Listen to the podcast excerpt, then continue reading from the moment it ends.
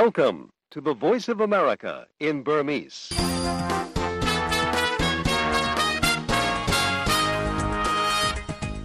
မင်္ဂလာညချမ်းပါသောရရှင်များရှင် VOA American တန်ရဲ့2024ခုနှစ်ဖေဖော်ဝါရီလ23ရက်တောက်ကြနေညပိုင်း VOA မြန်မာပိုင်းစီစဉ်တွေကို American ပြည်ထောင်စု Washington DC မြို့တော်ကနေမြန်မာစံတော်ချိန်ည9:00နာရီကနေ10:00နာရီထိစတင်ထုတ်လွှင့်ပေးနေပါပြီ။ကျမတို့ရဲ့ Radio ထုတ်လွှင့်ချက်တွေကိုရုပ်သံကပါရှုစားနိုင်ကြပါပြီရှင်။ ဒီညမှာထုတ်လွှင့်ပေးမယ့်အစီအစဉ်တွေကိုတော့လိုင်းဒိုမီတာ19 25နဲ့32တို့ကနေဓာတ်ရိုက်ထုတ်လွှင့်ပေးသွားမှာဖြစ်ပါတယ်ရှင်ဒီညရဲ့အစီအစဉ်မူကကျမစုမော်ပါမင်္ဂလာညချမ်းပါရှင်ကျမကတော့ဆုမြတ်မော်ပါအစ္စရေးဝန်ကြီးချုပ်ဘန်ဂျမင်နာတညာဟူကဒီစစ်ပွဲလွန်ဂါဇာဒေသရှေ့ရေးအတွက်အစီအစဉ်တွေကိုအစ္စရေးလုံခြုံရေးကက်ဘိနက်အဖွဲ့ကိုအဆိုပြုတင်ပြခဲ့ပါတယ်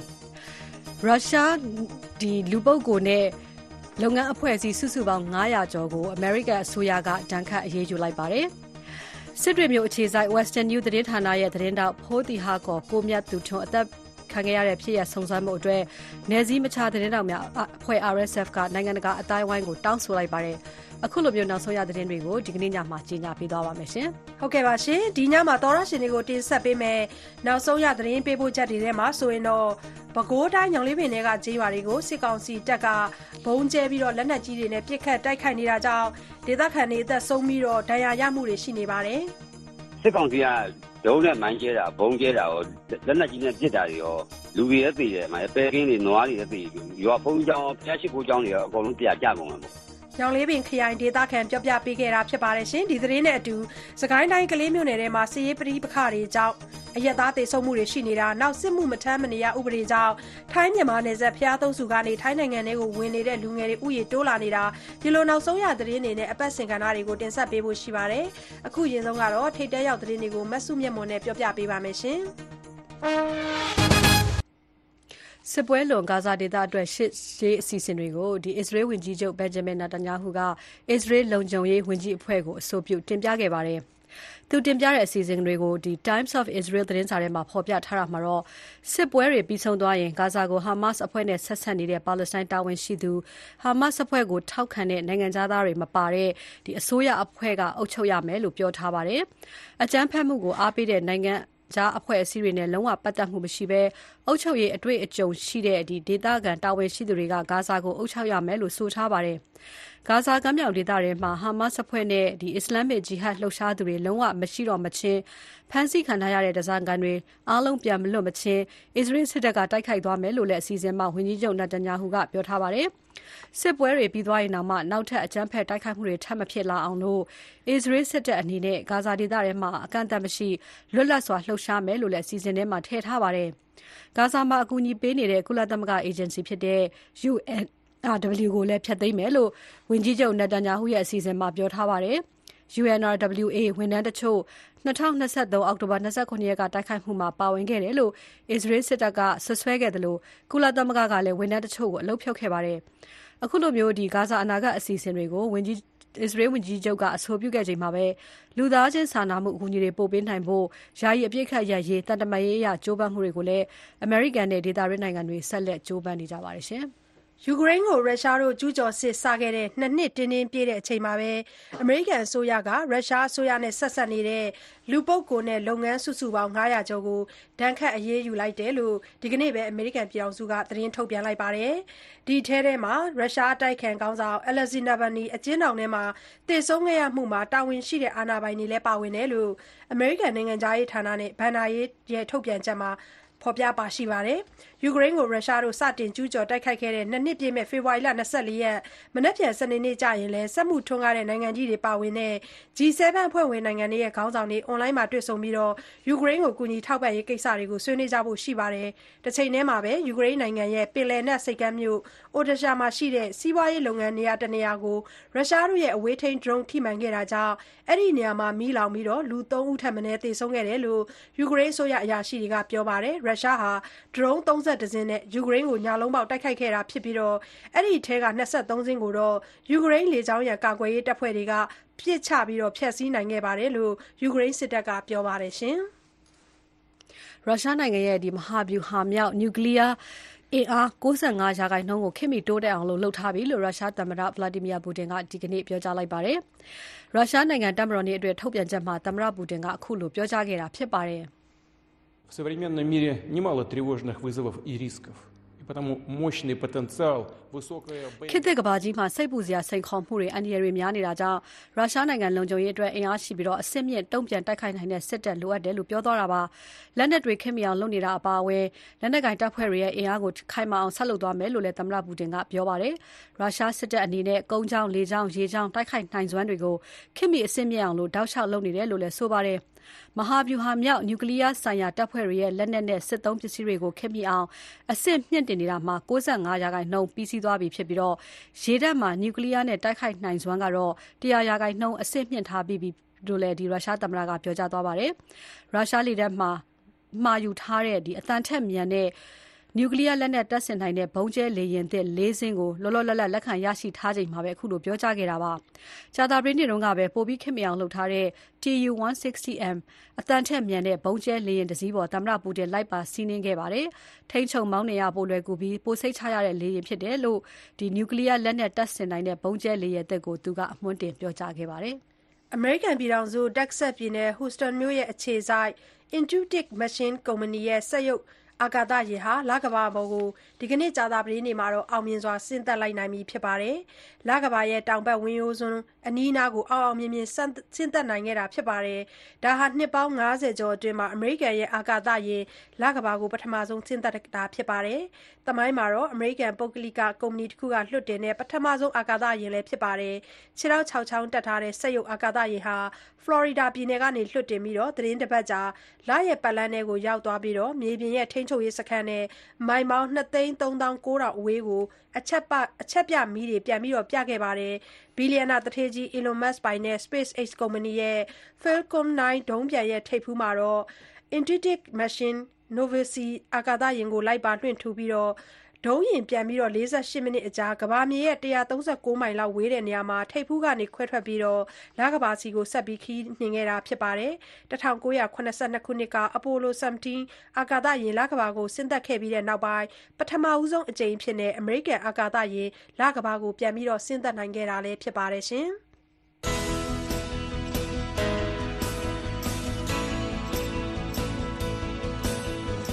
VOA အမေရိကန်အတန်းညဘက်မြန်မာဘာသာအစီအစဉ်တွေကိုညပိုင်း9:00နာရီကနေ10:00နာရီအထိလိုင်းဒိုမီတာ19 kHz 15553ညလိုင်းဒိုမီတာ25 kHz 11883ညလိုင်းဒိုမီတာ32 kHz 9335တို့အပြင်စနေတနင်္ဂနွေမှာလိုင်းလံမီတာ190 kHz 1505တို့ကနေထုတ်လွှင့်ပေးနေပါတယ်ခင်ဗျာဖေဖော်ဝါရီလ23ရက်တောက်ကြနေ့ညဘက်နိုင်ငံတကာသတင်းတွေကို VOA ကဆက်ပြီးကြီးညာပေးနေပါတယ်ရှင်။ မြန်မာနိုင်ငံအပါအဝင် အီရန်၊ဆီးရီးယား၊တူနီးရှားနဲ့ ယီမင် စတဲ့ ပဋိပက္ခနဲ့ အခက်အခဲတွေ ကြုံတွေ့နေရတဲ့ နိုင်ငံတွေရဲ့ စီးပွားရေး ရှေ့အလားအလာနဲ့ ပတ်သက်လို့ နိုင်ငံတကာ ငွေကြေးရန်ပုံငွေအဖွဲ့ IMF ဘုတ်အဖွဲ့က ကြာသပတေးနေ့က အလွတ်သဘော ဆွေးနွေးခဲ့ကြပါတယ်။ဖေဖော်ဝါရီ ၂၂ ရက်နေ့က ဆွေးနွေးပွဲနဲ့ ပတ်သက်လို့ IMF က အသေးစိတ်မပြောပေမဲ့ ဒီနိုင်ငံတွေရဲ့ ဘဏ္ဍာရေးဆိုင်ရာကိစ္စတွေ သုံးသပ်ဖို့ ၁၈ လကျော် နှောင့်နှေးကြန့်ကြာနေတာကြောင့် အလွတ်သဘော ဆွေးနွေးခဲ့တာဖြစ်တယ်လို့ ထုတ်ပြန်ချက်မှာ ဖော်ပြထားပါတယ်။ IMF အဖွဲ့ရဲ့ Article 4 သတ်မှတ်ချက်အရ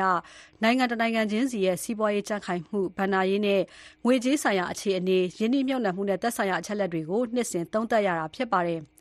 မြန်မာနိုင်ငံအခြေအနေဟာ ဆီးရီးယားနိုင်ငံလို စီးပွားရေးဆုတ်ယုတ်မှုနဲ့ နိုင်ငံရေးတည်ငြိမ်မှု ကင်းမဲ့တဲ့အနေအထားမှာ အခက်အခဲမျိုးစုံနဲ့ လုံးပန်းနေရပြီး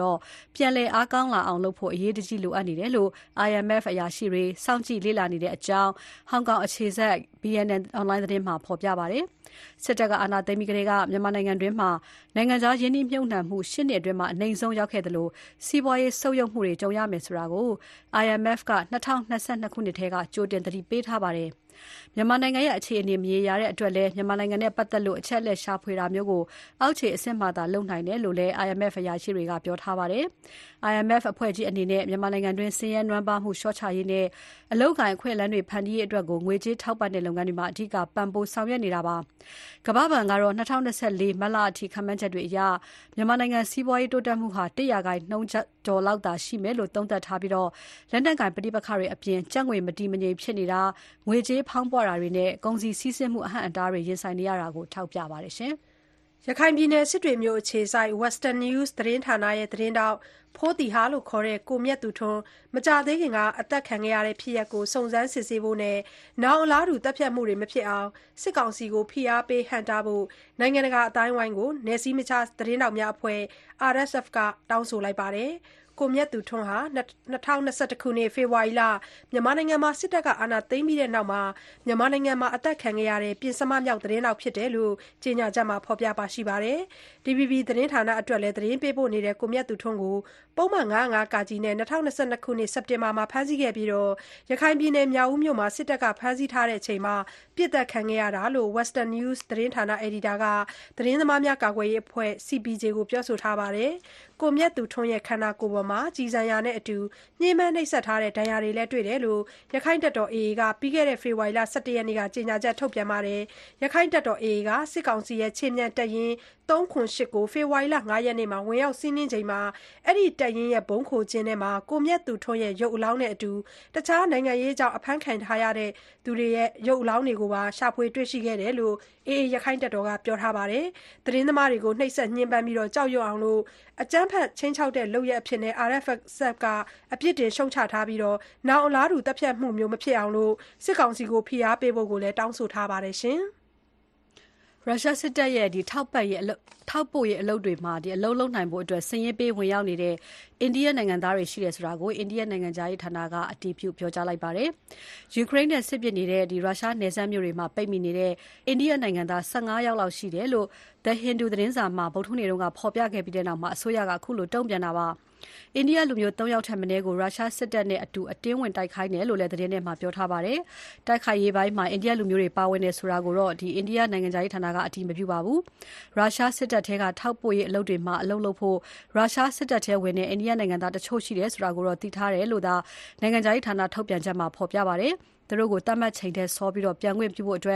က်ဆိုင်တဲ့ ရုရှားအာဏာပိုင်တွေနဲ့လည်း အိန္ဒိယသံရုံး ပုံမှန်ဆက်သွယ် ဆွေးနွေးနေတယ်လို့ ထုတ်ပြန်ချက်မှာ ပြောထားပါတယ်။အိန္ဒိယနိုင်ငံသားအားလုံးအနေနဲ့ သတိနဲ့နေပြီး ပဋိပက္ခနဲ့ ကင်းအောင်နေဖို့လည်း အိန္ဒိယအစိုးရက တိုက်တွန်းထားပါတယ်။ ဒူဘိုင်းအခြေစိုက် စစ်သားစုဆောင်းရေးအဖွဲ့တခုက လစာကောင်းကောင်းနဲ့ ရုရှား passport ရမယ်လို့ ကတိနဲ့ အိန္ဒိယနိုင်ငံသားတွေကို စုဆောင်းနေတဲ့အကြောင်း The Hindu သတင်းစာက ရေးသားပါတယ်။အဲဒီမျှော်လင့်ချက်နဲ့ မော်စကိုကို ရောက်သွားသူတွေကို လက်နက်နဲ့ခဲယမ်းတွေ ဘယ်လိုကင်တွယ်သုံးလို့ရတယ်ဆိုတာ ရုရှားစစ်တပ်က သင်တန်းပေးပြီး ဇန်နဝါရီလထဲမှာ ရှေ့တန်းကို စေလွှတ်ခဲ့တယ်လို့ သတင်းစာထဲမှာ ဖော်ပြခဲ့ပါတယ်။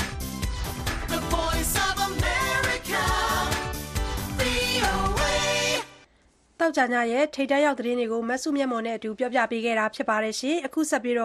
သတင်းပေးပို့ချက်တွေကိုဆက်တိုက်တင်ဆက်ပေးကြပါမယ်။အရင်ဆုံးပဲခူးတိုင်းထဲမှာစစ်ကောင်စီကလေကြောင်းကနေတိုက်ခိုက်လို့အရပ်သားသေဆုံးမှုတွေရှိနေတဲ့သတင်းကိုတင်ပြပေးကြပါမယ်။ပဲခူးတိုင်းထဲက ကျေးရွာတွေကို စစ်ကောင်စီတပ်က လေကြောင်းကနေ ဗုံးကြဲပြီး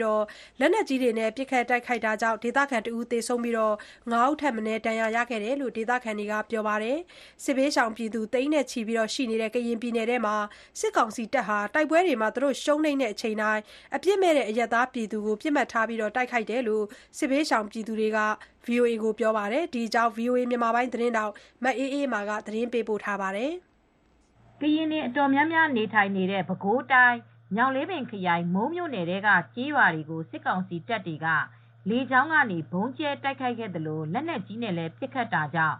လူသေဆုံးခဲ့ရသလို ထိခိုက်ဒဏ်ရာရကြတဲ့အပြင် အဆောက်အဦတွေ မီးလောင်ပျက်စီးခဲ့ရတယ်လို့ ဒေသခံတဦးက ပြောပါတယ်။"ပဲခူးတိုင်း ညောင်လေးပင်ခရိုင်ထဲမှာ ၁၇ ရက်နေ့ကနေ ၂၂ ရက်နေ့အထိ စစ်ကောင်စီက ဒရုန်းနဲ့ မိုင်းကြဲတာ ဗုံးကြဲတာကော လက်နက်ကြီးနဲ့ပစ်တာကော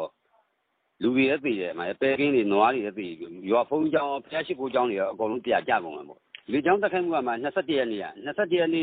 နံနက်ပိုင်းမှာစောထီးမြို့နယ်ထီဝါးထာကျေးရွာကိုဂျက်တိုက်လေယာဉ်နဲ့၂ကြိမ်လာပြီးဗုံး၈လုံးကြဲတာဘုရားရှိခိုးကျောင်းကောနေအိမ်ကောအကုန်ပျက်စီးကုန်တာပေါ့နေအိမ်က၄လုံးပျက်စီးတယ်ဘုရားရှိခိုးကျောင်းတကျောင်းပျက်စီးတာပေါ့ စစ်တောင်းမြစ်ဝှမ်းဒေသအတွင်း KNLA ကရင်အမျိုးသားလွတ်မြောက်ရေးတပ်မတော်အပြင် မဟာမိတ်တပ်တွေနဲ့ စစ်ကောင်စီကြား တိုက်ပွဲတွေဖြစ်ပွားနေတာ လနဲ့ချီကြာခဲ့တာဖြစ်ပြီး ကျေးရွာဒေသခံအတော်များများဟာ တခြားဒေသတွေမှာ ထွက်ပြေးတိမ်းရှောင်နေကြတာပါ တချို့ကတော့ နေအိမ်ထဲမှာပဲနေထိုင်ရင်း စစ်ကောင်စီဘက်က ပစ်ခတ်ရာမှာ အခုလို ထိခိုက်ဒဏ်ရာတွေ ရခဲ့ကြတာပါ အသေးပြောက်တော့အမလောဆယ်တော့ပြည်ကြတော့ လက်လက်ကြီးပြစ်လို့ပြည်ကြတော့ တယောက်ရှိတယ် ကျွန်တော်က3ယောက်တော့ ဒဏ်ရာရတယ်အမ သုံးပုံညခုံရှူပါရှူပါအစီလက်ကြနေပြစ်ထည့်တာမှာလက်လက်ကြီးသုံးလုံးပြစ်လို့လက်တက်ကြီးကြေးရွာမှာကြာပြီးတော့ပောက်ကွယ်ပြီးတော့ရွာသားဥစိန်လာတယောက်ပြည်တယ်နောက်ဥသိန်းလွင်60နှစ်မတန်းရွှေ45နှစ်မောင်အာကာဆိုတဲ့ကလေးက9နှစ်သူသုံးကဒဏ်ရာရတယ်မှာနေအိမ်တွေပြက်ပြီးကုန်တာပေါ့ရွာထဲမှာအနေချင်းတော့ပဲကြံတာကြံတဲ့လူပဲထိနေတာပေါ့ရွာထဲမှာအကုန်လုံးကျွန်တော်တို့ဒီမုံမျိုးနဲ့ဒီဆိုစဉ်ရွာတိုင်းလူလူမရှိတော့ဘူးကြံလဲ50ဦးတိုင်း50ဦးပဲကြံတဲ့လူတော့ပဲထိနေကြတာကွာ အခုဆိုရင် ဒေသရင်းမှာ ကရင်စစ်ဘေးရှောင်သူတွေတောင်းတဲ့ချီရှိလာပြီး စစ်ကောင်စီအနေနဲ့ တိုက်ပွဲတွေ ရှုံးတိုင်းမှာ ဒေသခံလူထုတွေကိုပြစ်မှတ်ထားပြီး တိုက်ခိုက်တာကို ခံရတယ်ဆိုပြီးကရင်ငင်းငင်းရဲ့အထောက်အကူပြုကွန်ရက်က ပြောရေးဆိုခွင့်ရှိသူ စောလေးကပေါ်ကလည်း ပြောပါတယ်အရှိနေထားမှာဆကားဆာနေတွေမှာ တောင်းလျှောက်ကိုကျုံနေတဲ့ဟာမျိုးတွေအာရေးနေတဲ့ဟာပုံမှာ သူတို့အနေနဲ့က လက်နဲ့ကြီးတဲ့ဒီနေနဲ့ပဲ ပုံပုံပြီးတော့မှဟိုလှုပ်ဆောင်လာတဲ့အနေအထားမျိုးရှိတယ်ဆိုကြမလို့ပါခင်ဗျာဒီကလည်းပို့ဆိုးလာဖို့ရှိတယ်ခင်ဗျာဟိုတော့တောင်းလျှောက်ပုံတော့တိုက်ပွဲဖြစ်တဲ့ကောင်ကဆကားဆာရဲ့အခက်ကလူလူပိုရဖြစ်လာတဲ့ဟာကရင်မျိုးသားစီယုံ KNU ထိန်းချုပ်တဲ့ခရိုင်ခုနှစ်ခုမှာစစ်ကောင်စီအာဏာသိမ်းလိုက်တဲ့သုံးနှစ်တာကာလအတွင်းမှာစစ်ဘေးရှောင်ပြည်သူ9သိန်းကျော်ရှိသွားပြီဆိုပြီး KNU ကထုတ်ပြန်ထားပါတယ်။ဒါဟာနှစ်ဖက်တိုက်ပွဲတွေအတွင်းလက်နက်ကြီးတွေနဲ့ပစ်ခတ်မှုတွေ လေကြောင်းတိုက်ခိုက်မှုတွေကြောင့် ဒေသခံတွေ ထိခိုက်ဒေဆုံးရပြီးတဲ့နောက် ရွာလုံးကျွတ် ရွှေ့ပြောင်းခဲ့ရတာတွေ ရှိခဲ့တယ်ဆိုပြီးကရင်ငင်းချမ်းရဲ့အထောက်အကူပြုကွန်ရက်ကလည်း ပြောထားပါတယ်ရှင်။ဒါကတော့ ပဲခူးတိုင်းတွင်စစ်ကောင်စီက လေကြောင်းကနေတိုက်ခိုက်နေလို့ အရက်သားသေဆုံးမှုတွေ ရှိနေတဲ့သတင်းကို VOA မြန်မာပိုင်းသတင်းတောက် မအေးအေးမာက သတင်းပေးပို့ခဲ့တာဖြစ်ပါတယ်ရှင်။တဆက်တည်းပါပဲစကိုင်းတိုင်း ကလေးမြို့ဘက်မှာလည်း တိုက်ပွဲတွေပြင်းထန်ပြီးတော့အရက်သားပြည်သူတချို့အသက်ဆုံးခဲ့ရတဲ့သတင်းကို တင်ပြပေးကြပါမယ်။ စကိုင်းတိုင်း ကလေးမြို့နယ် စစ်တပ် တပ်ဆွဲထားတဲ့နေရာတွေကို ကာကွယ်ရေးတပ်ဖွဲ့တွေက ဝင်ရောက်ပြီးတော့တိုက်ခိုက်တာကြောင့် စစ်ရေးကတော်တော်လေးတင်းမာနေပြီးတော့အရက်သားပြည်သူသေဆုံးတာရှိခဲ့တယ်လို့ထောင်နဲ့ချီတဲ့ ဒေသခံပြည်သူတွေ စစ်ဘေးတိမ်းရှောင်နေရပါတယ်။စကိုင်းတိုင်းပလဲမြို့နယ်ဘက်မှာလည်း စစ်ကောင်စီက နယ်မြေရှင်းလင်းရေးတွေလုပ်နေတဲ့အတွက် ကျေးရွာ10ရွာထက်မနည်းက ပြည်သူတွေဟာစစ်ဘေးတိမ်းရှောင်နေကြရပါတယ်။စကိုင်းတိုင်းတွင်းက တိုက်ပွဲအခြေအနေ စစ်ဘေးရှောင်တွေရဲ့ အနေအထားတွေကိုသတင်းပေးပို့ချက်ကို အခြေခံပြီးတော့ကိုဇော်ဝင်းလှိုင်ကပြောပြပေးပါမယ် ရှင်။စကိုင်းတိုင်းကလေးမြို့နယ်ထဲက စစ်တပ် တပ်ဆွဲထားတဲ့လေးနေရာတဲ့မနေ့ကို ဖေဖော်ဝါရီလ21ရက်က ကာကွယ်ရေးတပ်ဖွဲ့တွေ ဝင်ရောက်တိုက်ခိုက်ချိန်မှာ စစ်တပ်ဘက်က လက်နက်ကြီးတွေနဲ့ ပစ်ခတ်တာကြောင့် ကလေးမြို့ပေါ်ရက်ကွက်က နေအိမ်တွေအပေါ် လက်နက်ကြီးကြီးကျပြီး အရသားတချို့ သေဆုံးခဲ့သလို တချို့ ထိခိုက်ဒဏ်ရာရရှိခဲ့ပါတယ်။တိုက်ပွဲပြင်းထန်လာတဲ့အချိန်မှာ ကလေးမြို့တောင်ပိုင်းနဲ့ မြောက်ပိုင်းက ကျေးရွာတွေဘက်ကို မြို့ပေါ်မှာရှိတဲ့ စစ်တပ် တပ်ဆွဲထားတဲ့နေရာတွေကနေ လက်နက်ကြီးနဲ့ ပစ်ခတ်ခဲ့တဲ့အတွက် ဒေသခံ9000နီးပါးလဲ ထွက်ပြေးတိမ်းရှောင်နေရတယ်လို့ စစ်ဘေးရှောင်ကူညီနေသူတဦးက VOA ကို အခုလို ပြောပါတယ်။"ကလေးမြို့ မွန်းလွန်ရပ်ကွက်ကပေါ့နော် အိမ်ပေါ်ကို စစ်ကောင်စီဘက်က လက်နက်ကြီးကျလို့ ပြည်သူ ၃ ဦးဆုံးသွားတယ်။၄ ဦး ဒဏ်ရာရတယ်ဗျ။ပြီးရင် ကလေးမြောက်ပိုင်းပေါ့နော် ကလေးမြောက်ပိုင်း လက်ပံချောင်းဘက်ကို လက်နက်ကြီးနဲ့ထုလို့ လက်ပံချောင်းမှာရှိတဲ့ ပြည်သူတွေ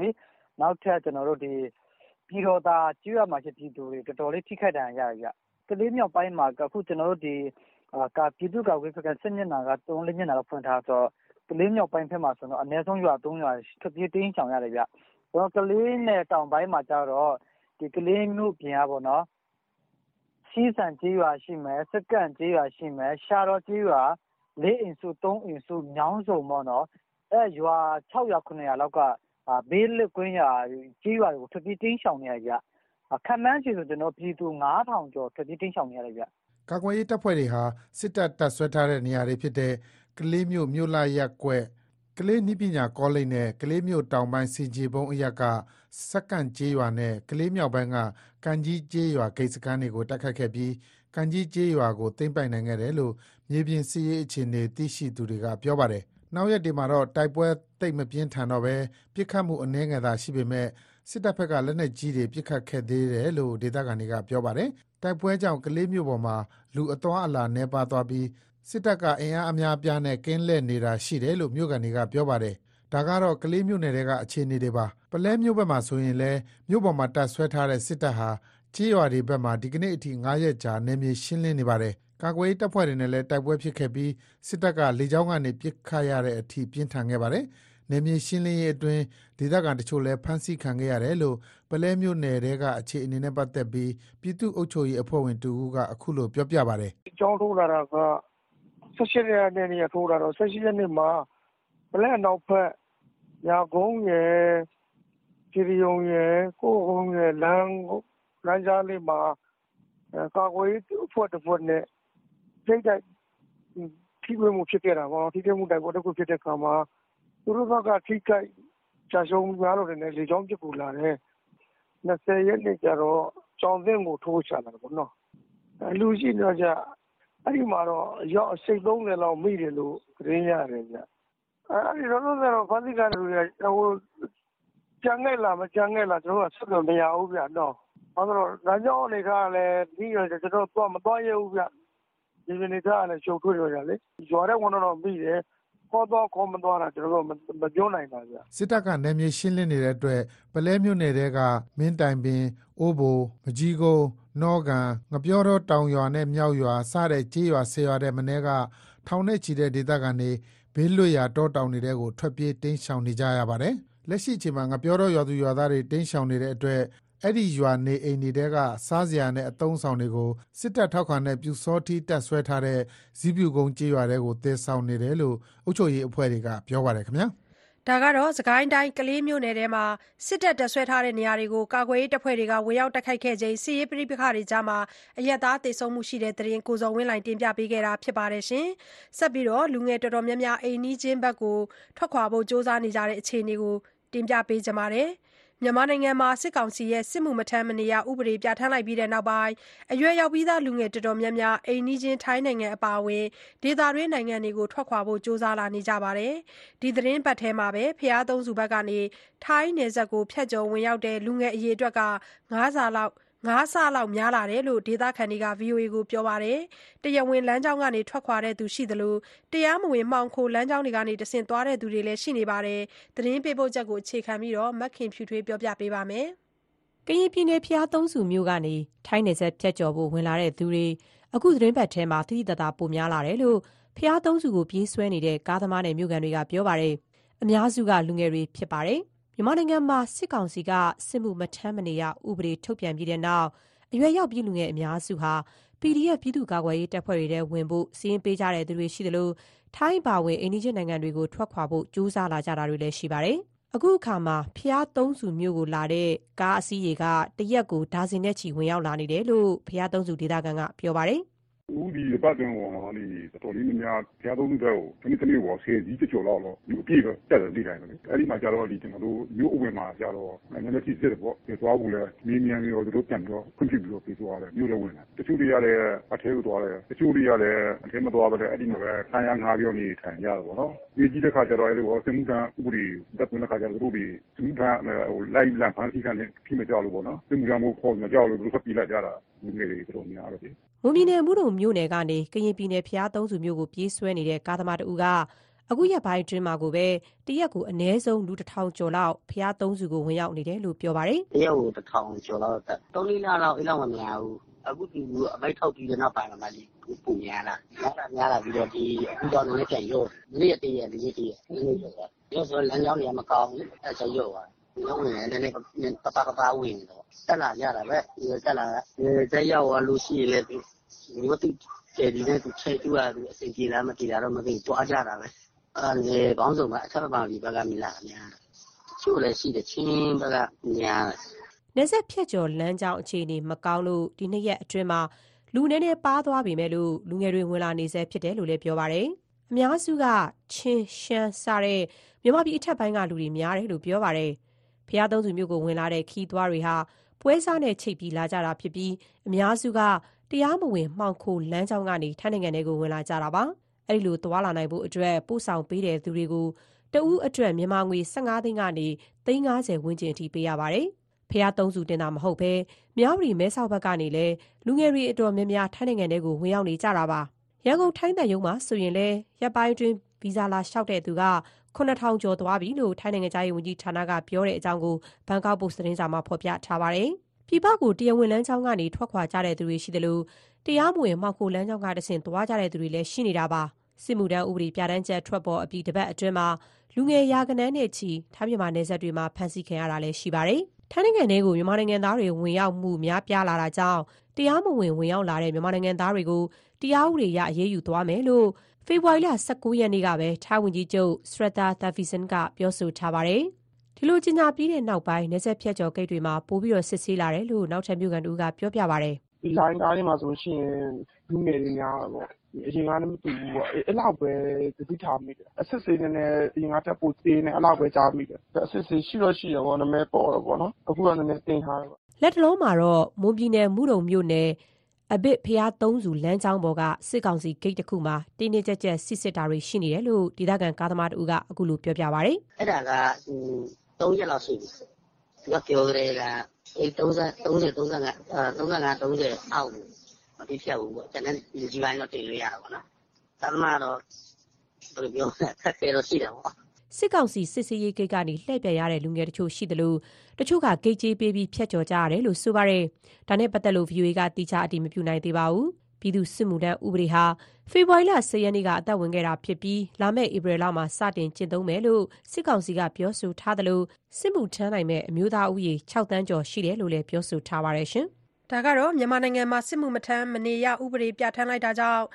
ထိုင်းမြန်မာနယ်စပ်ဘက်ကို လူငယ်တွေ ပိုပြီးသွားလာနေတဲ့အခြေအနေမခင်ဖြူထွေးပြောပြပေးခဲ့တာပါ။ဆက်ပြီးအချက်အလက်အခြေခံ မှားမှန်အတည်ပြုတဲ့ VOA ရဲ့ ရုပ်သံ ဗွီဒီယိုကို တင်ဆက်ပေးချင်ပါတယ်။တရုတ်အစိုးရဟာ ဆိုင်ဘာတိုက်ခိုက်မှုတွေနဲ့ တခြား တရားမဝင်လုပ်ရပ်တွေလုပ်ဆောင်တာကို ခွင့်မပြုဘူးလို့ ပြောပါတယ်။အမေရိကန်နဲ့ တခြားနိုင်ငံတွေကတော့ ကမ္ဘာတလွှား တရုတ်ရဲ့ ဆိုင်ဘာဖောက်ထွင်းမှုတွေက မှတ်တမ်းတွေနဲ့ ရှိတယ်လို့ ဆိုပါတယ်။ အချက်အလက်အခြေခံပြီးမှားမှန်အတည်ပြုထားတဲ့ VOA ရဲ့ Polygraph ရုပ်သံဗွီဒီယိုမှာတင်ဆက်ထားတာရှုစားနားဆင်ပါ။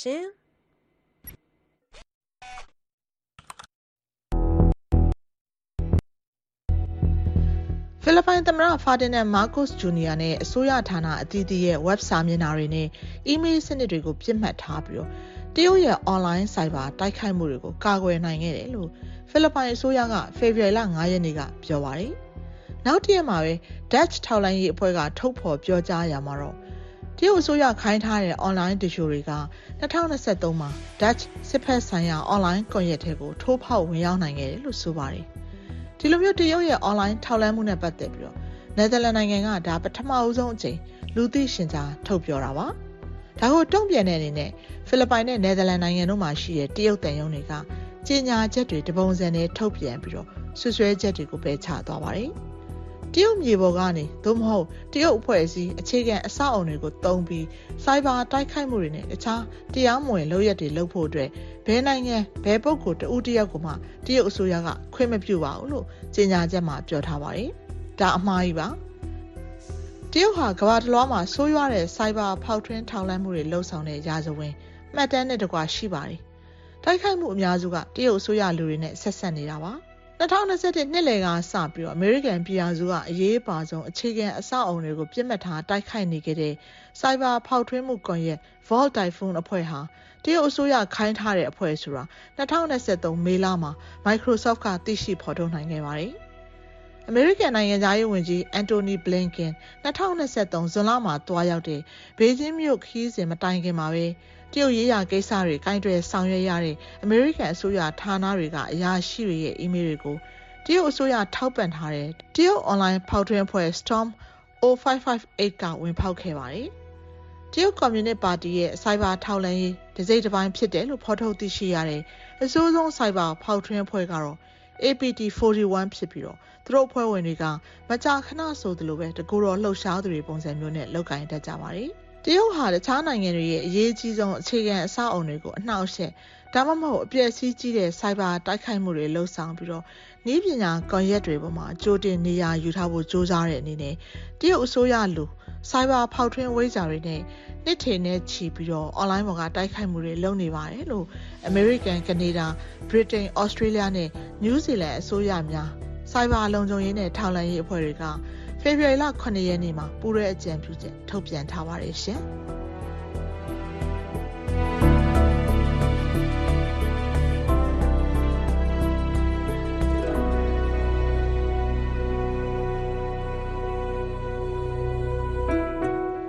တရုတ်အစိုးရ လူတွေ ဆိုင်ဘာတိုက်ခိုက်မှု လုပ်မလုပ် အချက်အလက်အခြေခံ မှားမှန်အတည်ပြုတဲ့ VOA ရဲ့ Polygraph ရုပ်သံဗီဒီယိုပါ။ဒီလို မှားမှန်မသေချာတဲ့ အကြောင်းအရာတွေနဲ့ ပတ်သက်ပြီး အချက်အလက်တွေနဲ့ အတည်ပြုချင်ရင်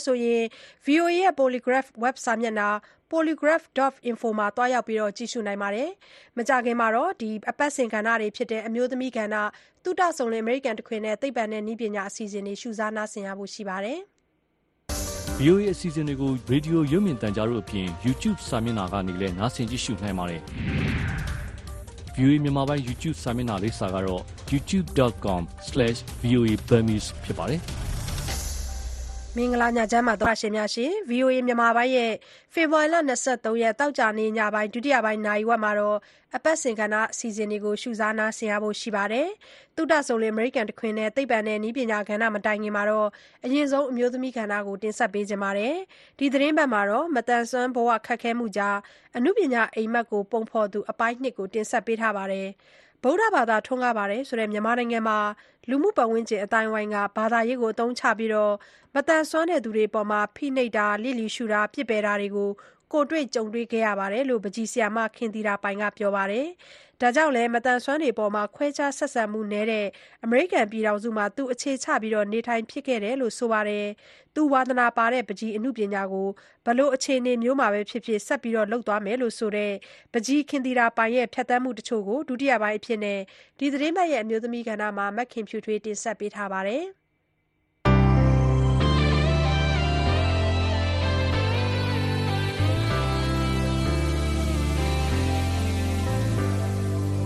There's a path we must choose sometime. Gotta stand up and fight sometime. ကျမတို့နိုင်ငံမှာဒီအရှိတိုင်းနေအများစုမိမနဲ့ယောက်ျားမှာမိမအရန်နှိမ်ခံရတဲ့ coach တို့ယဉ်ကျေးမှုဖြစ်နေတာနှစ်ပေါင်းများစွာရှိပြီအထူးသဖြင့် main ကလေးလည်းဖြစ်တယ်နောက်ပြီးတော့ဒီမတမစွမ်းတို့ဒုက္ခိတတွေဆိုရင်သူတို့ကဒီအရင်က which way အကြောင်းဆိုရင်လူစင်မမီတဲ့ပုံစံတွေထားကြတယ် ဆိုတော့မိသားစုပေါ့အများစုကတရားမှာ60ကအဲ့လိုဖြစ်နေတယ်မကြည့်တာပတ်ဝန်းကျင်ရှုံချတယ်ဒါဝစ်ကြွေးကြောင့်ဒါဝစ်ကြွေးကြောင့်ဆိုပြီးသူတို့ရဲ့အကျင့်ကပါရှိတယ်ဒီအရင်ကဝစ်ကြွေးကိုစင်ကြယ်အောင်သူများလုပ်ခဲ့တဲ့အမိုက်တွေရှင်အိမ်သာစိတ်ဒါနဲ့ပဲအမဘဝကျင်လဲခဲ့တယ်ဗမာပြည်မှာနောက်ဖေးမှာပေါ့လေအဲ့ဒါတွေကပတ်ဝန်းကျင်ကလည်းမိဘကဒီလိုပြောတာကို ခံပြောရင်လည်းငရဲကြီးမဒါနင်ဒါကြောင့်ဒီလိုဖြစ်တာဆိုပြီးဘာသာရေးကိုအသုံးပြုပြီးခြောက်ပြီးတော့လောက်ခိုင်းတာတွေပေါ့ကိုကလည်းမသိဘူးရင်တော့အရန်ကြောက်ခဲ့တယ်ဒါပေမဲ့ကိုဒီရောက်လာတဲ့ချိန်မှာဒါတွေကအလကားတွေပဲနောက်ဗမာပြည်မှာဒီကားစီးဖို့ဆိုတာဒီမတမစွမ်းဆိုရင်ကိုက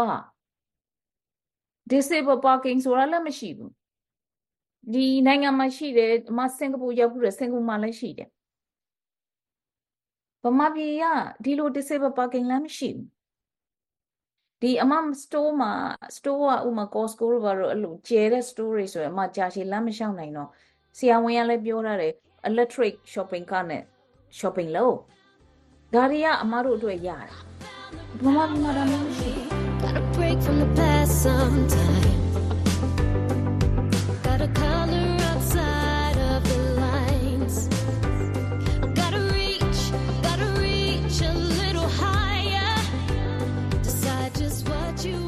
ဓာတ်လေကားကိုရွှေတကုံသွားတယ်ဓာတ်လေကားရဖို့အတွက်လူတယောက်ကအမကိုကြားဖြတ်ပြီးဟေးဟေးကောင်မလေးဖျားမလုံနေတဲ့လူကလေဒီကောင်မလေးကမတမဟိုဒီကောင်မလေးကိုဆက်သွားလိုက်ပါသူကအမတို့ကရက်ဆောင်နေရတာဆိုတော့ဒီလူကဓာတ်လေကားထဲမှာဗာပြောလို့ကျွန်တော်ကတက်တက်လုတ်ပေးတာတဲ့ဆိုတော့ဒီမျိုးသမီးလေးကတဲ့ကျွန်တော်မတန်ကြာရှည်မရနိုင်ပေါ့လေဒီဓာတ်လေကားနဲ့ပေါ်ရောက်ဖို့ဆိုတာအဲကျမအမေကလေ အော်ရနေနဲ့ဒီလူကတဲ့နင့်ကိုသနာပြီးလှုပ်ပေးတယ်ပတ်စံပေးလိုက်အောင်ဆိုတော့မပေးလိုက်ပါတယ်ဒါပေမဲ့ဟို pressure တခုကိုများလာတာကိုမပြောပြရတာဒီလူတယောက်ကိုဒီလှုပ်ပေးလိုက်ရင်ဒါအလကားမဟုတ်နေပတ်စံပေးရတော့မယ်လက်ပေးလက်ယူရတော့ပါတော့မယ်အမနားလေပါတယ်ကိုကိုညီးတဲ့လူဆိုတော့ပြန်ပြီးတခုခုကိုပေးရတော့မယ်ဒါပေမဲ့ဟိုဖို့လေဟို pressure တွေတခုကိုဖြစ်လာတာအမပြောပြတယ်ဒီဖျားတက်ဖို့အတွက်ကိစ္စရအောင် အဲ့တော့မျိုးပေါ့လေနောက်ပြီးတော့ main ကလေးတွေအရန်တခုလုံးရင်လေအရန်ရိုက်တာနှိပ်စက်တာတွေကများတယ်ကိုယ့်ရဲ့ဟို freedom of speech ဆိုတာမရှိတော့ခံစားချက်ဆိုတာမရှိတော့တို့ကအမြဲတမ်းဒီမဟုတ်ဘူးနင်လိုမတမ်းမစွမ်းကိုဒီလိုလူကဒီလိုလုံးမအိုးအဲ့လိုမျိုးတွေပေါ့လေကိုယ့်အပေါ်မှာလဲဟွန်းဟိုအကျိုးသက်ရောက်မှုတွေယူတဲ့လူတွေအမှအများကြီးတွေ့ရတယ်ခံစားခဲ့ရတယ် There's a path we must choose sometime. Gotta stand up and fight sometime. နေစလိုက်မတန်ဘူးအဖွားတို့ဘာတို့အမေတို့ဘာတို့ကလေနေဆရာဝန်ဖြစ်မှဖြစ်မယ်နေအင်ဂျင်နီယာဖြစ်မှဖြစ်မယ်နေဆရာမဖြစ်မှဖြစ်မယ်ဒီအမနေကအရန်ကြောင်းစားမှမတော်ဘူးဘာညာဆိုပြီးတော့သူတို့တွေအမြဲတမ်းအဲ့လိုလေ put down ပေါ့အမြဲတမ်းနှိမ်ခဲ့တယ်သူတို့ရဲ့အယူကတအားနှိမ်မှလူကစူးစားလာ ဒါပေမဲ့အမအဖေကအရင်တော့ပြောတယ်လူဆိုတော့နှစ်မျိုးရှိတယ်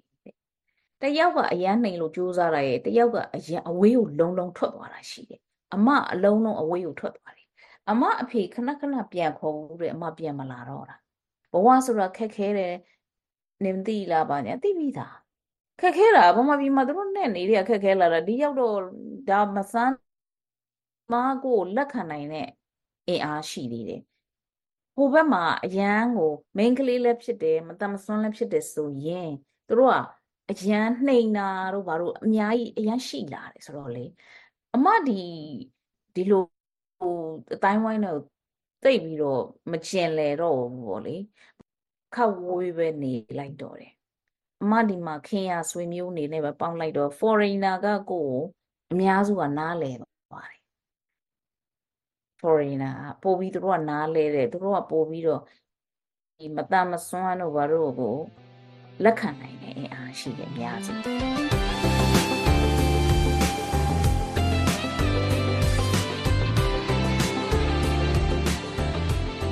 အဲ့ဒါဘာသာရေးကိုအသုံးပြုပြီးလူတွေကိုချင်းကြောက်ပြီးမတမဆွမ်းနေရဝစ်ကျွေးခါမာကြောင့်ဖြစ်တယ်ဆိုပြီးတော့အမားတို့တွေကဒီတိုင်းပြည်ရဲ့ system တစ်ခုကလည်း human right ကိုမရှိကြတော့အမားတို့လိုလူမျိုးကပိုပြီးအနှိမ်ခံလိုက်ရတယ်မိန်းမဖြစ်တယ်မဒုက္ခိတဖြစ်တယ်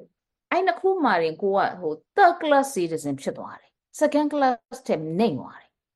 ဒါတွေကိုအမတော့ပြောလိုက်ရင်မဟာတယောက်တစ်ရွာလုံးနဲ့ကိုကရန်ဖြစ်တယ်လို့အပြောခံရဒါကြောင့်မလို့အမနားလေတယ်ဒီလိုမျိုးခံစားလာတဲ့လူတွေဒီတိုက်ပွဲကိစ္စနဲ့ပတ်သက်ပြီး ဒီတိုင်းရင်းသားတွေ PDF တွေ generation Z တွေတိုက်ပေးနေတော့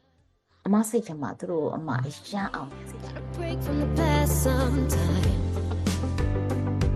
Gotta color outside of the lines. Gotta reach, gotta reach a little higher. Decide just what you are looking to find. ဒီကဘာကြီးလောကထဲမှာအမားတို့ကဘသူဆိုတာကိုသိစေချင်တယ် အမားတို့တွေကလူသားတွေကဘာထဲမှာအမိုင်းရဲ့ခံစားချက်မှာကဒီလိုဖြစ်လာတဲ့ဒီဒုက္ခိတဒီဟာဒီလိုမျိုးအနှိမ့်ဆက်ခံရတာဒီအိမ်တွင်းရေးထဲမှာဘလို့အနှိမ့်ဆက်ခံရတဲ့ဘာညာတွေဆိုတော့အမနာလေဒီလိုပဲအမမှာလဲဒီဘက်ကြီးကိုကြိုးကန်ပြီးလူကြီးတွေခြောက်လာတာဟိုစင်ရဲတယ်ဘာဖြစ်လို့လဲနေဒီလိုပြောလို့ဆိုရင်အဲသူတို့အဲ့လိုမျိုးတွေပေါ့လေ narrow minded ဖြစ်အောင်သူကချထားတာဆိုတော့အမအဲ့ society ကိုရှင်းပြောရင်ဒီလိုမျိုးတွေကိုပြန်နှားထောင်မှုအမမစဉ်းစားဘူးအမလိုပဲဒုက္ခိတတွေဖြစ်နေတယ်ဗမာပြည်မှာဒီလိုစကားတွေယုံပြီးခြောက်လန့်ပြီးတော့လူတွေကိုယ်ကိုမလိမ့်တစ်ပတ်လောက်တာတွေမယုံကြည်သင့်ပါဘူးလို့အမထင်တယ်ဒါအမကိုယ်ရိခံတ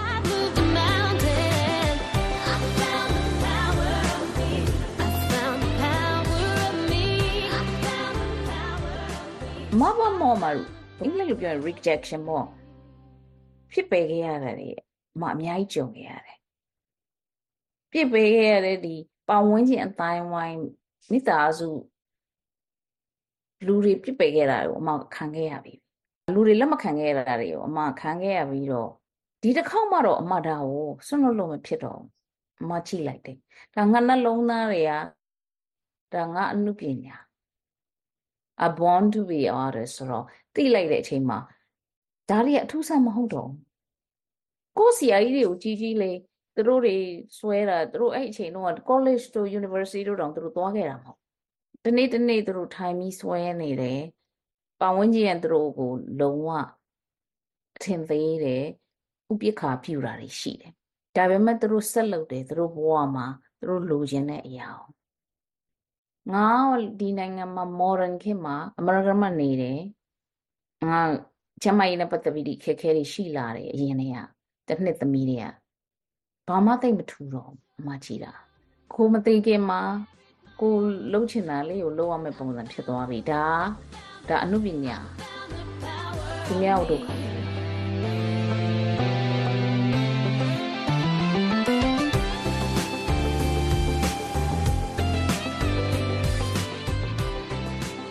ခက်အခဲကတော့ရှိသေးတယ်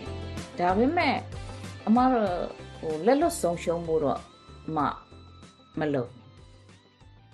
ဒီပညာကိုအမအသက်30ကျော်ရဲရစပြီးတော့လှုပ်လာတယ်ကိုကငါဒါကိုလိုချင်တယ်ဆိုတော့သိသွားတယ်နောက်ပိုင်းမှာပို့သိသွားတယ်ဆိုတော့ဒါကိုအမဆုံးဆွဆွလို့ဖို့အမလုံးဝမစင်စားဘူး ပကြီးစွဲတဲ့အချိန်မှာအမဝမ်းနေတာရောဝမ်းသာတာရောဒီစိတ်တိုးတာတွေရောဖြေပြောင်းသွားတာဟာအမရဲ့ပကြီးရဲမှာရောပြသွား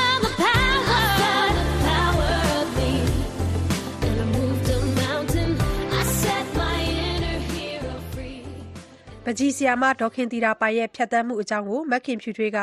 မေးမြန်းတင်ဆက်ပေးခဲ့တဲ့အမျိုးသမီးကဏ္ဍပါရှင်အခုဆက်ပြီးတော့တုဒဆုံလေအမေရိကန်ခွေစီစဉ်ကိုတင်ဆက်ပေးကြပါမယ်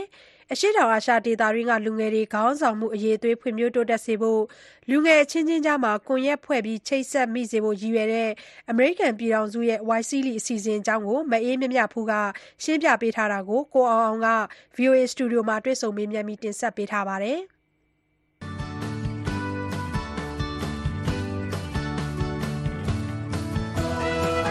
Wisely program နဲ့ပတ်သက်ပြီးတော့ဘယ်လိုကိုစပြီးတော့သိခဲ့ရလဲအာဟုတ်ဆိုတော့ YCL ညီမကအာဒီ YCL program ကိုဒါဒုတိယအကြိမ်လျှောက်တာပေါ့နော်ပထမအကြိမ်တော့ညီမလျှောက်တယ်လျှောက်တာကကျတော့ညီမ2000အာ 20ဝန်းကျင်လောက်ဖြစ်မယ်ပေါ့နော်အဲ့တော့ကျတော့ညီမဒီအာအတီးတယောက်ကနေပြီးတော့ပြောပြရဲဒီ YCL ရှိရပြီးတော့ညီမကလည်းဒီအဲ့လို program တွေကိုလိုက်ပြီးတော့လေ့လာရဲအဲဒီပေါ့နော်ဘာဆိုညီမကလည်းဒီအဲအလုပ်အလုပ်ကကျတော့ social entrepreneur လုပ်ရတဲ့အတွက်ကြောင့်မလို့ကိုယ့်ရဲ့လုပ်ငန်းအတွက်ကိုဒီ grants program တွေကဘာရှိရလဲဘာ opportunity ရှိလဲအမြဲလိုက်ရှာနေရသူဆိုတော့တွေ့ရောကြတော့အဲ alumni တွေကိုပြီးတော့ညီမအတိတငယ်ချင်းတော်တော်များများ YC လေး နဲ့တွားကြရဲပေါ့နော်တွားကြတွေ့ရောကြတော့အဲ့ဒါနဲ့ပဲဟိုမေးကြည့်ရဲမေးကြည့်ပြီးတော့လေ့လာပြီးတော့ရှောက်ကြည့်ရဲပေါ့နော်ဆိုတော့ရှောက်ကြည့်ရဲ့အချိန်မှာပထမတစ်ချိန်တုန်းကတော့ညီမကအာအ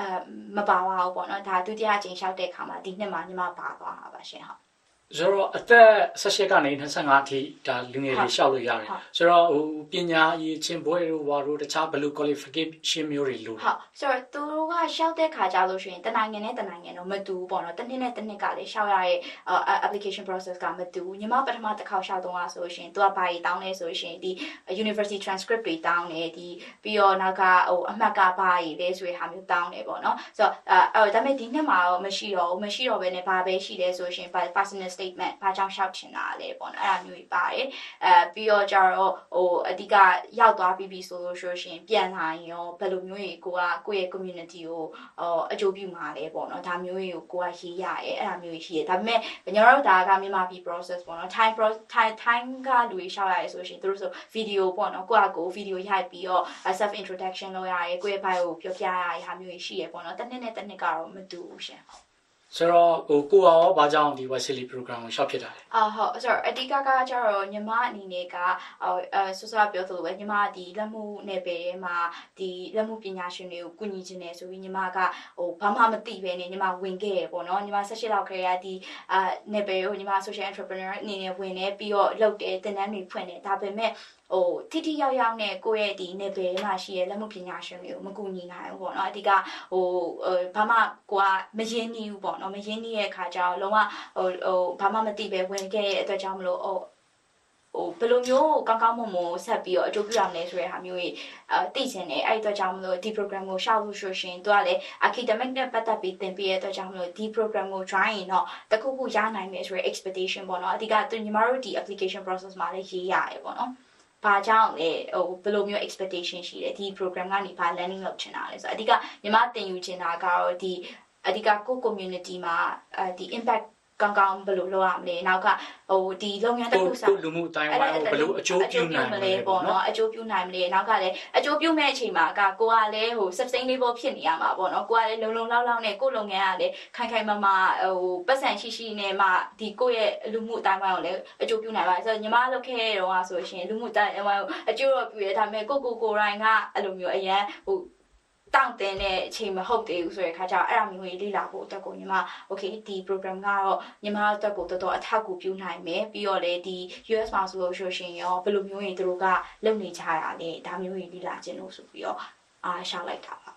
ဒီ program ရှောက်မယ်ဆိုလို့ရှိရင်ပညာအရေးချင်းပါညာကြတော့ အာပညာရေးချင်းကတော့မလို့ပေါ့နော်အဓိကကကိုဘာလုပ်နေရလဲအဓိကပညာရေးချင်းမလို့อ่ะဆိုတာအထက်ကိုအဓိကတော့ကို high school လောက်တော့ပြီးထားပြီးတော့အဓိကသူကတော့ qualification ရှိရပေါ့ criteria အနေနဲ့က English လိုမျိုး communication ကောင်းကောင်းလုပ်နိုင်ရမယ်နောက်ပြီးသွားပြီဆိုရှင်ကိုကဟိုကိုနဲ့ related ဖြစ်တဲ့ဟာမျိုးပေါ့ထားပါတော့ဒီ quest social entrepreneur ဆိုကိုမှာပါ project ရှိရတယ်ပေါ့နော်ဒါပေမဲ့ညီမတို့ ਨੇ ဒီတူတူပါလာရဲ့တချို့ရေဆိုလို့ဆိုရှင်လည်းဒီသူတို့ engineering sector မှာလုပ်တယ်ဒါပေမဲ့သူကဘာကြောင့်ဒီမှာလေ့လာခြင်းလဲဆိုတဲ့ဟာမျိုးဟိုတိတ်တိတ်ချာချာလေးပြ နိုင်တယ်ဆိုလို့ရှိရှင်ကတော့ဟိုရရပေါ့ဆိုတော့ဒီ YCL program ကိုကိုကဝင်ပြီးတော့ရှောက်မယ်ဆိုလို့ရှိရင်အာဟိုဘယ်လိုအချိန်မှရှောက်လို့ရလဲဟုတ်သူကဒီ YCL ကသူကဟို cohort နာဒီနှစ်ခုရှိရပေါ့နော်သူက spring နဲ့ fall နဲ့ရှိရပေါ့နော် spring ကဆိုလို့ရှိရှင်နွေဦးရာသီဟုတ်နွေဦးရာသီနဲ့ fall ဆိုဆိုပြီးရှိဆိုတော့နွေဦးရာသီဆိုတော့ May June လောက်ဖြစ်ဟုတ်ဟုတ် May April May June ပေါ့နော်တော်တော်များများသွားရက April ဆောင်းဦးဆိုတော့ August ဟုတ်ဟုတ် September လောက် August မဟုတ်ဘူးနော်ညီမတို့ဆိုရှင်ညီမတို့ဆိုဒီတစ်ခေါက်က October November ပေါ့နော် October November ပိုင်းမို့ဆိုဒါပေမဲ့ရှောင်းမယ်ဆိုရှင်က သူကအခု spring ရှောင်းမယ်ဆိုရှင်အခုဆိုရှင်ဒီအာဒီ October November ကလေးကသူတို့က application process ဖွင့်တယ်ဖွင့်ပြီးတော့ရှောက်ရတယ်ပေါ့နော်ရှောက်ပြီးတော့မှအဲသူတို့ကအဲအဲ့မှာ application process December လောက်မှလုပ်ပြီးသွားပြီဆိုရှင် interview section ဝင်ရတယ်ဝင်ပြီးတော့မှအဲ interview section ဝင်ပြီးအောင်မှမပြီးသေးဘူးပေါ့နော်သူတို့ကဘာလုပ်ရလဲဆိုဒီ US department ဘက်ကနေပြီးတော့ဟိုပြန်ပြီးတော့ဟိုခွင့်ပြုဒီပြန်ပြီးတော့ selection ပြန်လုပ်ပြီးတော့မှနောက်ဆုံးသွားရတဲ့ဟာမျိုးပေါ့နော်ပြီးရင် visa process တွေလုပ်တာမျိုးကြီးအဲ့လိုပုံစံမျိုးကြီးနဲ့သွားရတယ်ပေါ့ဆိုတော့အဓိကကတော့ fall ရှောက်မယ်ဆိုလို့ဆိုရှင်ကကြာညီမတို့ကဒီနှစ်စားတော့ခရီးရရှောက်အဲပြီးသွားပြီဆိုရှင်ဒီ August မှာဒီဟိုဟာ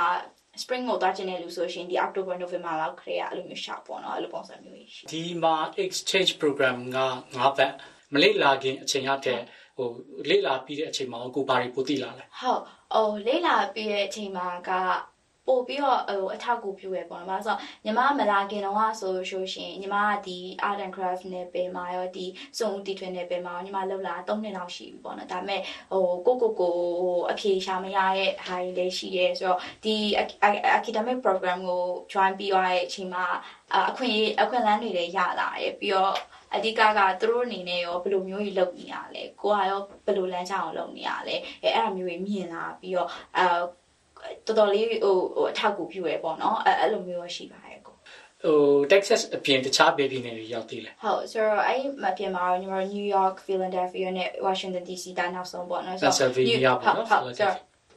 New York မှာကျတော့ညီမတို့ကဘာလေးလာရလဲဆိုတော့အဓိကညီမတို့ဒီ UN ကိုသွားတာမျိုးကြီးရှိရယ် UN မှာသွားပြီးတော့အဓိကကဟိုလေးလာရတဲ့ဟာမျိုးကြီးတောက်က museum တွေသွားပြီးတော့လေးလာရရယ်။ Now Philadelphia ကျတော့လည်းညီမတို့ဒီ အာသူတို့ရဲ့ဒီအာ treatment တွေကိုညီမတို့လိုက်ပြီးတော့လေ့လာရတယ်ပေါ့အဓိကကတော့ညီမတို့ဒီ study tour ပေါ့နော်ဒီ US culture နဲ့ပတ်သက်ပြီးတော့ study tour ဖြစ်တဲ့ခါကျတော့အဲ့တစ်ပတ်လုံးအောင်လုံးဝဟိုအဲ့လိုစာရေးထိုင်ရေးနေအောင်မဟုတ်ဘူးအဲ့လိုမျိုးဒီ museum တွေသွားလေ့လာရတယ်အဲ့လို UN သွားလေ့လာရတယ်အဲ့လိုပုံစံမျိုးတွေရှိရပေါ့နော် Washington DC ရောက်လာတဲ့ခါကျတော့ညီမတို့ White House ကိုညီမတို့သွားလေ့လာရတယ်ပေါ့နော်ဆိုတော့ညီမတို့ဒီဒီ fall 2023ကအရန်ကန်ကောင်းတဲ့ cohort ပေါ့နော်ဘာလို့ဆိုတော့ရှေ့ကအဲဒီ အဲ cohort တွေမှာဆိုလို့ရှိရင်ဒီ White House တွေကိုဝင်ခွင့်မရဘူးဒါပေမဲ့ညီမတို့ဒီ cohort မှာဆိုညီမတို့ White House တွေကိုဝင်ခွင့်ရရဲဝင်ခွင့်ရပြီးတော့ဒီဒီမှာဆိုလို့ရှိရင်ဘယ်လိုမျိုးတွေအဲ activities တွေလုပ်ခဲ့တယ်ဒါမျိုးတွေကိုညီမတို့လေ့လာရရဲပြီးတော့နောက်ဆုံးညီမတို့ DC မှာကကြတော့ဒီအဲ embassy ကနေပြီးတော့ certificate ပေးရပေါ့နော်ဒီအဲအခမ်းအနားတွေကိုညီမတို့အဲ့လိုမျိုးလုပ်တာမျိုးရှိပါတယ်ဟုတ်ကဲ့ပါအင်းမြတ်ဖူအခုလို video ကိုလာပြီးတော့တွေ့ဆုံမေးမြန်းခွင့်အချိန်ပေးတဲ့အတွက်အထူးပဲကျေးဇူးတင်ပါတယ်ဟုတ်ကဲ့ညီမကလည်းကျေးဇူးများကြီးတင်ပါတယ်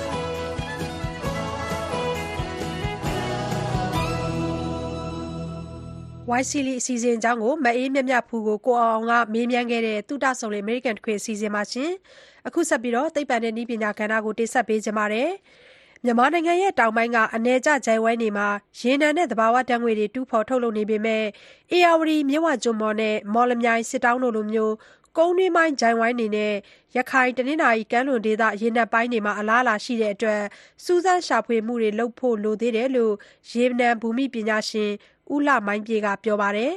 မြမရေနံနဲ့ သဘာဝဓာတ်ငွေတိုက်များ အပိုင်း ၃ မှာ ဒေါခင်မျိုးသက်က ဆက်သွယ်မေးမြန်းထားတာရှုစားနာဆင်ပါရှင်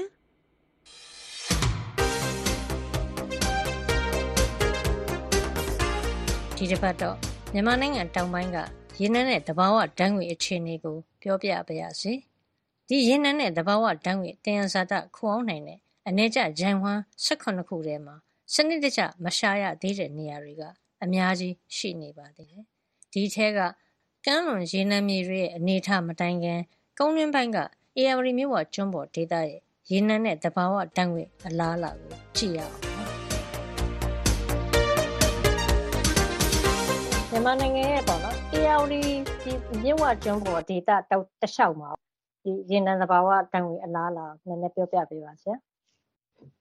ARD အနေကြဂျိုက်ဝမ်းမှာရှိတဲ့ဟာမှာဆိုရင်ဟိုးရင်ခစ်ပေါ့ပြီးတော့ MOGE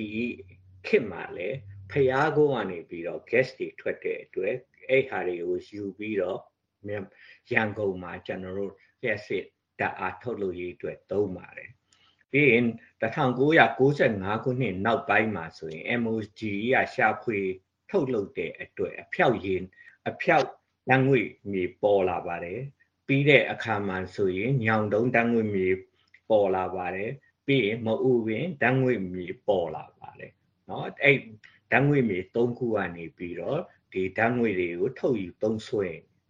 ARD မြို့ဝကျုံပေါ်နဲ့ပတ်သက်ပြီးပြောရမယ်ဆိုရင်တော့ ARD မြို့ဝကျုံပေါ်မှာဆိုရင်အပေါ်ကနေပြီးတော့ဒီ ARD series ပေါ့နော်ဒီကြောက်လွှာစုကနေပြီးတော့ဖုံးအုပ်ထားတယ်မြေပြန့်နေပြီဖြစ် အဲ့တော့အောက်မှာ structure တွေရှိသလားဆိုတဲ့ဟာကိုကျွန်တော်တို့တေးသေးချာချာ seismic တွေတိုင်းတာပြီးတော့ကျွန်တော်တို့မရှာသေးပါဘူးပြီးတော့လေ ARD မြစ်ဝကျုံပေါ်ကခုနပြောသလိုပဲမြစ်ဝကျုံပေါ်ဆိုတဲ့အတိုင်းမြစ်လက်တက်တွေရှိနေတဲ့အတွက် seismic တိုင်းတာရေးတွေမှာတော့သူကအထန့်ဒါဖြစ်နေတော့တကယ်လို့ဒါကျွန်တော်တို့စနစ်တကျเนาะအသေးစိတ်ဒီ seismic တိုင်းတာမှုတွေရှိရင်လုံနိုင်ခဲ့ရင်ကျွန်တော်တို့ခုနပြောတဲ့ဒီရေအခုလက်ရှိသုံးနေတဲ့ရေနံဓာတ်ငွေမြေ၃ခုလိုပဲကျွန်တော်တို့တွေထပ်ပြီးတော့တွေ့မယ်လို့တော့ကျွန်တော်မျှော်လင့်ပါတယ်ဟုတ်ကဲ့ပါဆရာဟိုတဲ့အခုရခိုင်ပြည်နယ်ဘက်မှာတော့ဒီဟိုပေါ့နော်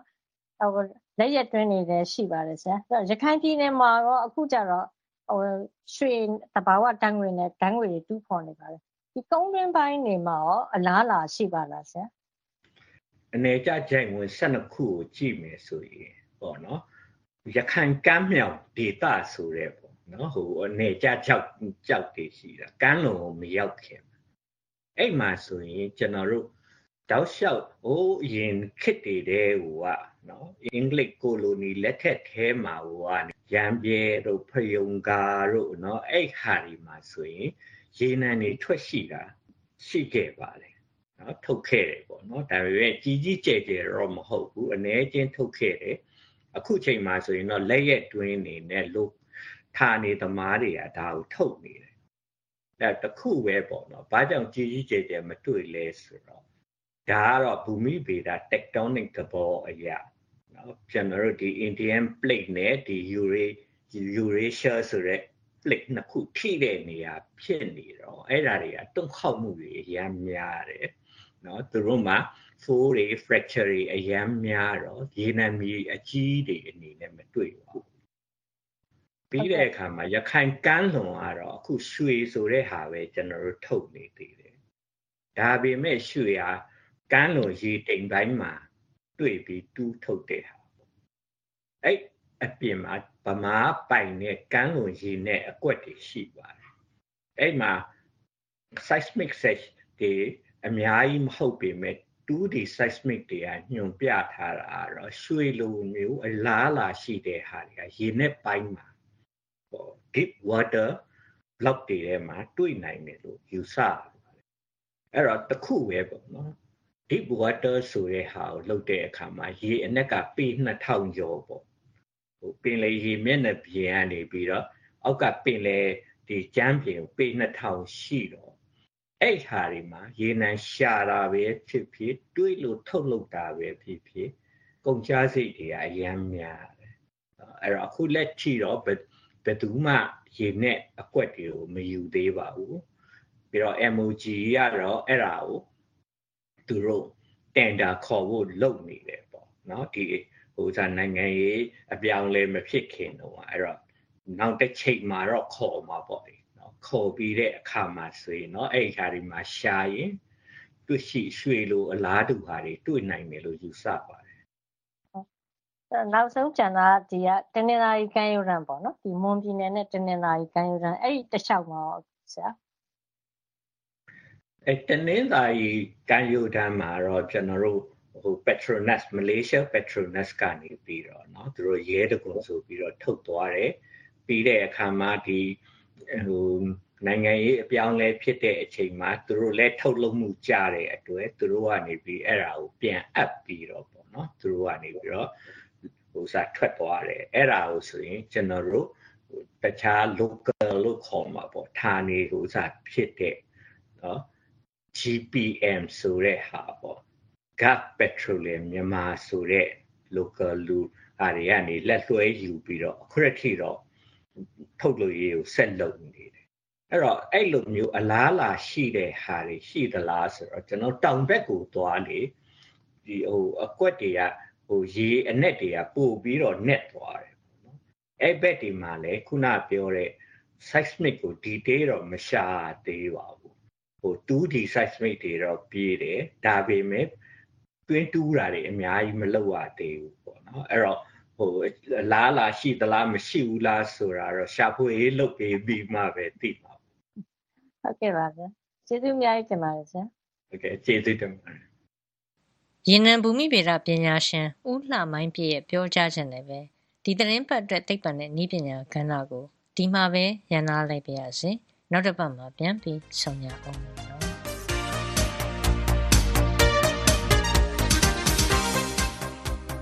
ဒေါခင်မျိုးသက်စီစဉ်တင်ဆက်ပေးခဲ့တဲ့သိပ္ပံနဲ့နည်းပညာကဏ္ဍပါရှင်ဒီကနေ့ညရဲ့အပတ်စဉ်ကဏ္ဍအစီအစဉ်တွေကတော့ဒီလောက်ပါပဲမကြခင်မှာအစီအစဉ်တွေအဆုံးသတ်တော့မှာမို့နောက်ဆုံးရသတင်းချင်းချုပ်ကိုမတ်စုမြတ်မွန်ကတလှည့်ပြောပြပေးပါမယ်ရှင်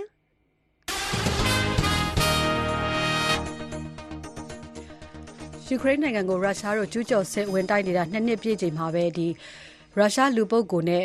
လုပ်ငန်းအဖွဲ့အစည်းနဲ့ စုစုပေါင်း900ကျော်ကို အမေရိကန်အစိုးရကတန်ခတ်အရေးယူလိုက်ပါတယ်။အဲ့ဒီထဲမှာဒီရုရှားအတိုက်ခံ Alexei Navalny အကျဉ်းထောင်ထဲမှာတေဆုံးခဲ့ရမှုမှာ တာဝန်ရှိတဲ့ အာဏာပိုင်တွေလည်း ပါဝင်တယ်လို့ အမေရိကန်နိုင်ငံသားရေးဌာနနဲ့ဗဏ္ဍာရေးဌာန ထုတ်ပြန်ချက်မှာ ဖော်ပြထားပါတယ်။ဖေဖော်ဝါရီလ24ရက်နေ့ဖြန်စနေနေ့ကျရင်လည်းဒီ American ပါဝင်တဲ့ G7 အဖွဲ့ဝင်နိုင်ငံက ခေါင်းဆောင်တွေ online ပေါ်မှာ တွေ့ဆုံပြီးတော့ယူကရိန်းကို ကူညီထောက်ပံ့ရေးကိစ္စတွေကို ဆွေးနွေးကြဖို့ရှိပါတယ်။ ဂျပန်အစိုးရက ဘင်္ဂလားဒေ့ရှ်မှာရှိနေတဲ့ ရိုဟင်ဂျာဒုက္ခသည်တွေအတွက် ကမ္ဘာ့စားနပ်ရိက္ခာအဖွဲ့ WFP ကနေတဆင့် အမေရိကန်ဒေါ်လာ9.4သန်း ကူညီထောက်ပံ့ပေးနေတယ်လို့ WFP ကပြောကြားပါတယ်။ ရိုဟင်ဂျာတွေအတွက်ဒီစားနပ်ရိက္ခာအရေးပေါ်လိုအပ်ချက်မှာ သုံးစွဲဖို့ ဂျပန်နိုင်ငံအနေနဲ့ မနှစ် ဇွန်လတုန်းကပေးခဲ့တဲ့ ဒေါ်လာ4.4သန်းအပြင် ဒီနှစ်မှာ ထပ်တိုးပြီးတော့ WFP ကနေတဆင့်9.4သန်း ကူညီပေးဖို့ ဆုံးဖြတ်လိုက်တဲ့အကြောင်း ဘင်္ဂလားဒေ့ရှ်နိုင်ငံဆိုင်ရာ ဂျပန်တပ်အမတ်ကြီးက ပြောဆိုပါတယ်။ရိုဟင်ဂျာတွေအတွက် နိုင်ငံတကာပေးနေတဲ့ အကူအညီတွေတိတိကျကျနည်းသွားတဲ့အတွက် Cox's Bazar မှာ ရိုဟင်ဂျာဒုက္ခသည်တွေအတွက် လစဉ် ရိက္ခာထောက်ပံ့ငွေ12ဒေါ်လာကနေဒီမတ်လမှာ 10ဒေါ်လာအထိရှော့ချခဲ့ပြီးတော့ဂျွန်လမှာတော့10ဒေါ်လာအထိထပ်မံရှော့ချပေးခဲ့ပါတယ်။ရခိုင်ပြည်နယ်အတွင်း2019ခုနှစ်ကဖြစ်ခဲ့တဲ့ပြည်ပခါကြောင့်ဘင်္ဂလားဒေ့ရှ်နိုင်ငံဘက်ထွက်ပြေးသွားတဲ့ရိုဟင်ဂျာတသန်းသားရှိနေပြီးတော့လက်ရှိအခြေအနေမှာလည်းရခိုင်ပြည်နယ်အတွင်းကတိုက်ပွဲတွေကြောင့်ယာနဲ့ချီတဲ့ရိုဟင်ဂျာတွေဘင်္ဂလားဒေ့ရှ်ဘက်ကိုထပ်မံထွက်ပြေးဖို့ကြိုးစားနေကြပေမဲ့ဘင်္ဂလားဒေ့ရှ်နိုင်ငံကတော့သူတို့ကိုလက်ခံခြင်းမရှိသေးပါဘူးရှင်။ တောက်ကြညရဲ့နောက်ဆုံးရသတင်းချင်းချုပ်ကိုမဆုမြတ်မုံကပြောပြပေးခဲ့တာဖြစ်ပါတယ်ရှင်ဒီကနေ့ညရဲ့အစီအစဉ်ထုတ်လွှင့်ရေးမှုကကိုရန်နိုင်ဖြစ်ပါတယ်စပိုင်းဆိုင်ရာအင်ဂျင်နီယာတွေကတော့ Robert Bass နဲ့ John Dryden ဖြစ်ပါတယ်ကျွန်မကစုမမဒီညအစီအစဉ်မှုဖြစ်တာဝန်ယူတင်ဆက်ပေးခဲ့တာဖြစ်ပါတယ်ရှင် VOA ကိုနားတော်ရဆင်ခဲ့တဲ့အတွက်ကျေးဇူးအထူးပဲတင်ရှိပါတယ် VOA ရဲ့တော်ရရှင်များနဲ့တကွမြန်မာပြည်သူပြည်သားအလုံးစိတ်ချမ်းသာကိုယ်ကျန်းမာဘေးပရာဝေးကွာလို့လိုတဲ့ဆန္ဒတွေပြည့်ကြပါစေရှင်